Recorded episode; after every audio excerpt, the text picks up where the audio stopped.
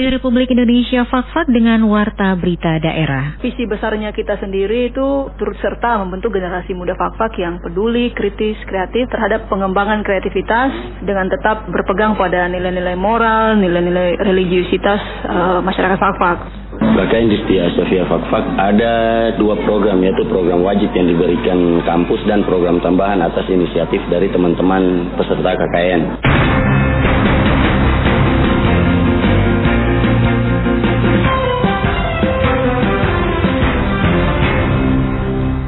Sari Berita, Dinas Pekerjaan Umum Penataran Ruang, Perumahan Rakyat dan Kawasan Permukiman Kabupaten Fakfak beberapa waktu lalu menerjunkan petugas survei ruas jalan.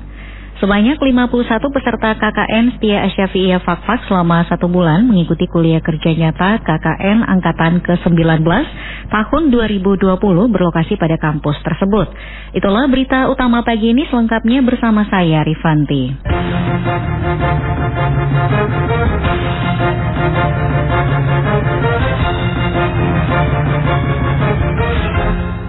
Saudara Wakil Bupati Fakfak Abraham Sopahilwakan menegaskan generasi muda Kabupaten Fakfak harus dijaga dengan baik untuk menghindari adanya bahaya narkoba.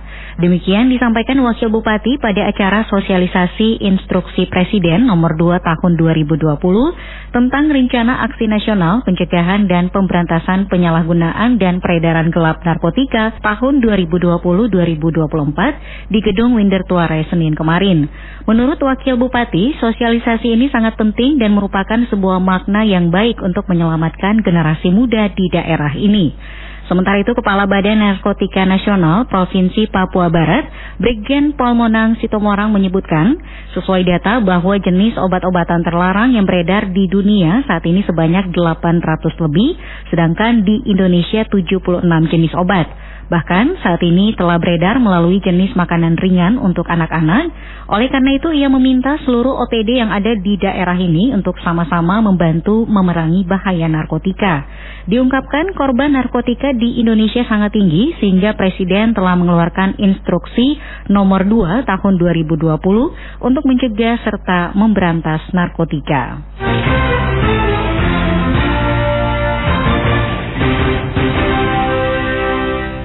Kebutuhan masyarakat Fakfak akan adanya akses jalan yang layak di hampir semua wilayah administrasi Kabupaten Fakfak selalu menjadi perhatian pemerintah daerah Kabupaten Fakfak. Terkait hal itu, Dinas Pekerjaan Umum, Penataan Ruang, Perumahan Rakyat dan Kawasan Permukiman, PUPR 2KP Kabupaten Fakfak, Dinahkodai Yakobus Tandung beberapa waktu lalu menerjunkan petugas survei ruas jalan. Dinas PUPR 2KP Kabupaten Fakfak, petugas survei tersebut melakukan survei Jalan Waserat menuju Sanggram, ruas Jalan Sanggram menuju Weri, dan ruas Jalan Nusalasi menuju Karas Kabupaten Fakfak. Dikatakan untuk ruas jalan distrik Fakfak Timur Tengah tembus distrik Karas Kabupaten Fakfak Papua Barat ini melalui usulan dana alokasi khusus DAK Jalan Bidang Reguler dan Penugasan tahun 2021.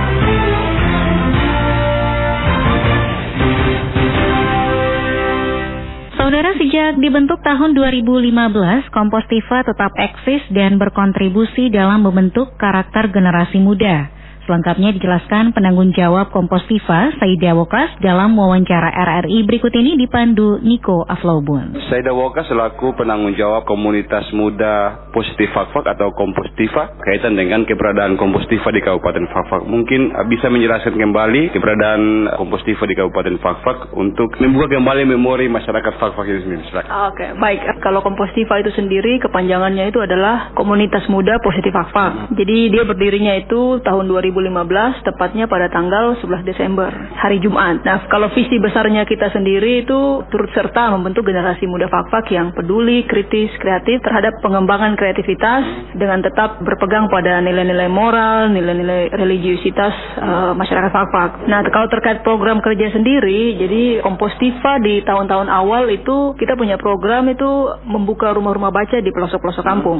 Proyek pertama kami itu pembukaan rumah baca di Kampung Argunita Fair dan berlanjut di Kampung Siboru. Dan sampai saat ini itu sudah ada sekitar uh, tujuh rumah baca yang kami inisiasi ada bersama dengan teman-teman yang lain. Sebenarnya bukan hanya terkait literasi. Jadi kalau Kompostiva sendiri yang jelas segala kegiatan yang bisa mendorong teman-teman muda untuk berkarya, ber berkreativitas itu kita coba untuk sediakan wadah. Seperti kalau yang mungkin uh, teman-teman pernah dengar kayak Parade Budaya dan Inovasi Kompostiva itu kita sudah pernah adakan uh, tiga kali. Itu 2016, 2017, 2018 kemudian 2019 kemarin konsepnya kita agak rubah jadi namanya menjadi festival budaya. Jadi itu permainan anak-anak sama permainan tradisional yang kita coba angkat di situ.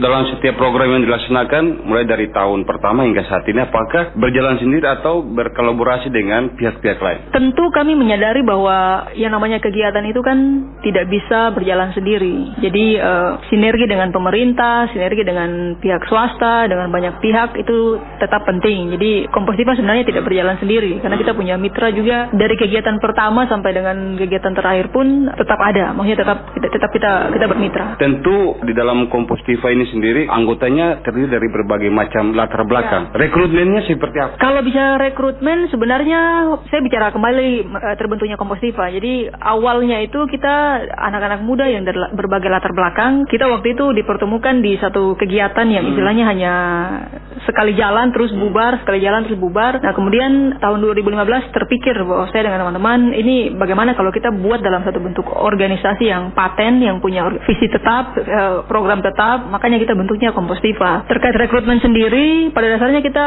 siapa pun yang mau bergabung dengan kita itu kami membuka diri. Yang jelas teman-teman kita tidak paksakan, tapi tetap kalau saat sudah memutuskan untuk bergabung sama Kompostiva ada kewajiban-kewajiban ataupun ada ya konsekuensi yang ditanggung uh, sebagai layaknya anggota sebuah organisasi.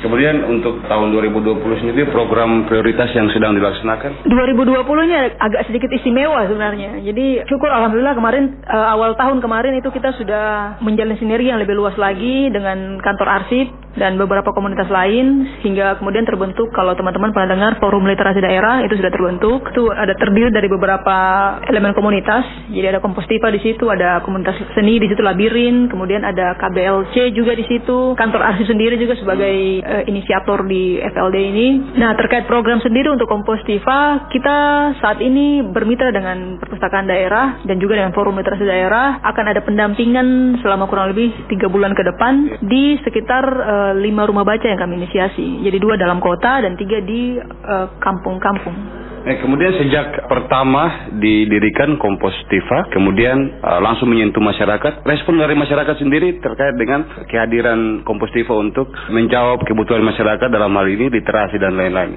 Proyek pertama kami itu di Kampung Arguni Tavern tahun 2016. Saya ingat itu sekitar tanggal 7 Februari 2016. Masyarakat sangat antusias sekali dengan program kami. Memang ada beberapa orang yang bertanya kok dibuatnya di Arguni tidak di dalam kota saja. Karena ya kami pikir kalau untuk dalam kota sendiri kan akses ke buku, akses ke yeah. internet semua itu mudah. Tapi kalau untuk di Arguni saat itu memang agak susah. Dan secara tempat juga di sana sudah tersedia. Jadi kita dihibahkan suatu eh, gedung bekas musola yang kemudian difungsikan sebagai perpustakaan. Dan tugas kami itu hanya untuk mengadakan buku dan mencoba untuk membuat kegiatan di sana. Dan respon masyarakat sangat sangat baik sekali. Dan sampai saat ini kita masih sering berkunjung ke sana dan mereka cukup mengenal baik kami harapan besar untuk perkembangan kompostiva ke depan seperti apa harapannya kompostiva ke depannya bisa jadi salah satu komunitas yang turut serta memberikan sumbangsi kepada Fakfak bisa mendorong juga teman-teman muda untuk menyadari bahwa potensi diri mereka itu ada dan sudah selayaknya untuk ya berkontribusi bagi kemajuan Fakfak dan bisa berjejaring lebih luas lagi dengan banyak komunitas di Fakfak. Baik, sudah mendengar demikian perbincangan singkat kami bersama penanggung jawab Kompostiva Kabupaten Fakfak, Saida Wokas. Terima kasih atas perhatian Anda. Warta berita daerah saat ini tengah disiarkan Radio Republik Indonesia Fakfak.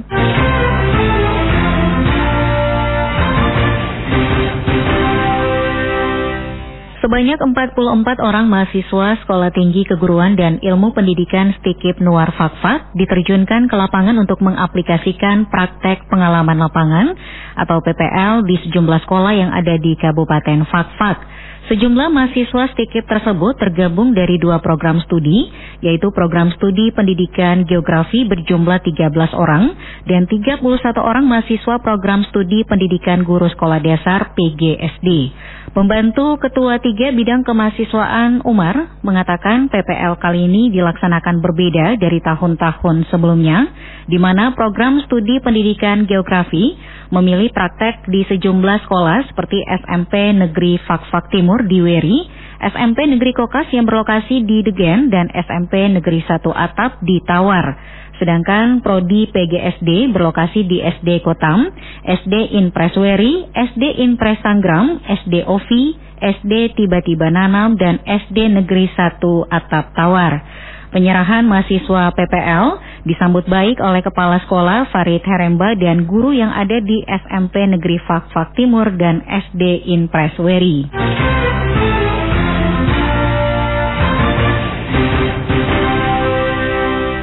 Sebanyak 51 peserta KKN Setia Asyafi'iyah Fakfak selama satu bulan mengikuti kuliah kerja nyata KKN Angkatan ke-19 tahun 2020 berlokasi pada kampus tersebut. Kuliah kerja nyata atau KKN merupakan bentuk pengabdian kepada masyarakat yang bertujuan untuk membantu kegiatan masyarakat di suatu daerah tertentu dalam hal kegiatan sehari-hari dalam berbagai bidang. Selain pengabdian kepada masyarakat, kuliah kerja nyata juga merupakan salah satu mata kuliah yang wajib ditempuh oleh mahasiswa semester akhir untuk selanjutnya berlanjut ke skripsi. Sehubungan dengan hal itu, sebanyak 51 mahasiswa dan mahasiswi setia sisa via Fakfak selama satu bulan mengikuti kuliah kerja nyata KKN Angkatan ke-19 tahun 2020 yang berlokasi pada kampus tersebut. Selama kegiatan KKN berlangsung, baik program wajib maupun program tambahan dilakukan oleh peserta KKN yang pada intinya melakukan pembinaan terhadap kampus Setia Sisa via Fakfak. Muhammad Idris Rumata, selaku Ketua Kelompok 1 KKN Setia Sisa via Fakfak tahun 2020 mengatakan ada dua program kerja yang dilakukan selama kegiatan KKN berlangsung, yakni satu program wajib dan satu program tambahan yang dibuat oleh kelompok 1. KKN Setia Sisa via Fakfak ada dua program yaitu program wajib yang diberikan kampus dan program tambahan atas inisiatif dari teman-teman peserta KKN. Jadi program, program wajib yang diberikan kampus untuk kelompok 1 ada tiga yang pertama pembuatan tangga dekat kooperasi ini untuk untuk membuat akses menuju ke koperasi di wilayah barat kampus itu lebih mempermudah akses dari jalanan ke koperasi. Yang kedua pembuatan atap dan pagar depan koperasi. Hal ini untuk memperluas halaman koperasi agar wilayah pelanggan di koperasi itu uh, tempat duduknya bisa diperluas. Yang ketiga penataan tempat duduk. Di program wajib ini penataan tempat duduk ini nanti memakai kayu gelondongan. Jadi dibikin seperti suasana klasik dan suasana lebih natural, lebih alami. Sementara perwakilan kelompok 3 Amiruddin Patiran menyebutkan program kerja yang dilakukan oleh kelompok 3 ada enam program kegiatan yang terdiri dari tiga program wajib dan tiga program tambahan. Ada dua program, yaitu program wajib dan tambahan. Program wajib yang kita di kelompok 3 dapat yaitu ada tiga program, yaitu yang satu pembuatan gapura, tepat ada di depan kampus. Yang kedua pembuatan selasar dan di atas selasar ada pembuatan tempat duduk batu. Kemudian yang ketiga pengecatan kampus. Kemudian yang tambahan itu pengecatan depan kampus, kemudian pemindahan tiang bendera, pemindahan papan akreditas. Program pertama yaitu gapura dalam proses pekerjaan. Sekarang ada kesiapan untuk membuat depan rangka. Kemudian yang kedua program kedua itu selasar. Selasar juga sudah dibuat, sudah dibuat dan sudah selesai tinggal penimbunan. Kemudian pengecatan kampus akan direncanakan untuk nanti di pertengahan atau di akhir masa waktu KKN baru di pengecatan kampus. Sedangkan perwakilan kelompok 2, Asrinda mengatakan, untuk program wajib, kegiatan yang dilakukan berupa pembuatan dapur basah, pembuatan solaser dan pembuatan atap pada gedung lama, pembuatan pitulan bahasa Inggris, dan beberapa program kegiatan lainnya. Untuk kami dari kelompok 2, hmm. kami dari ada dua program yaitu program wajib dan tambahan. Program wajib itu ada empat, yaitu yang pertama pembuatan dapur basah, itu saat ini lagi dalam proses pembuatan dan sudah mencapai 90 persen. Insya Allah kami usaha untuk uh, selesaikan. Kemudian yang kedua pembuatan selasar dan atap penutup samping gedung lama. Kemudian yang ketiga pemindahan pintu lab bahasa Inggris. Kemudian yang keempat pembuatan gudang. Pembuatan dapur basah sendiri itu untuk mempermudah teman-teman yang di koperasi dalam hal misalnya pelayanan untuk teman-teman yang misalnya membeli kemudian mereka memiliki tempat untuk pembersihan. Sama halnya dengan Husni Fiandet, selaku Ketua Kelompok 4 mengatakan, selama kegiatan KKN berlangsung, program kerja yang dilakukan meliputi perbaikan pada atap kampus, pembuatan meja dan kursi kayu, serta pengecatan kampus. Program kerja yang kami lakukan yang sudah ditetapkan oleh kampus ada program wajib, yaitu ada empat, ada tiga yang tertera dalam sini. Yang pertama, program wajib kami itu perbaikan selasar samping gedung lama sama atap bocor yang di gedung baru ini kan ada sedikit kebocoran, jadi kami perbaiki. Yang kedua, pembuatan kursi kayu panjang 1 meter sebanyak 6 buah dan pembuatan kursi kayu ukuran 2 meter sebanyak 4 buah. Kemudian meja ukuran 1,5 kali 90 cm sebanyak 8 buah dan meja ukuran 2 meter sebanyak buah. Yang ketiga yaitu pengecetan kampus. Setelah kegiatan kuliah kerja nyata, KKN Setia Asisa via Fakfak Angkatan ke-19 tahun 2020, ke-51 peserta KKN akan mengikuti tahapan selanjutnya, yakni rencana pembuatan proposal penelitian, penyusunan skripsi, dan ujian skripsi, hingga prosesi wisuda. Januardi melaporkan. Sekian Warta Berita Daerah, Produksi Radio Republik Indonesia, Fakfak.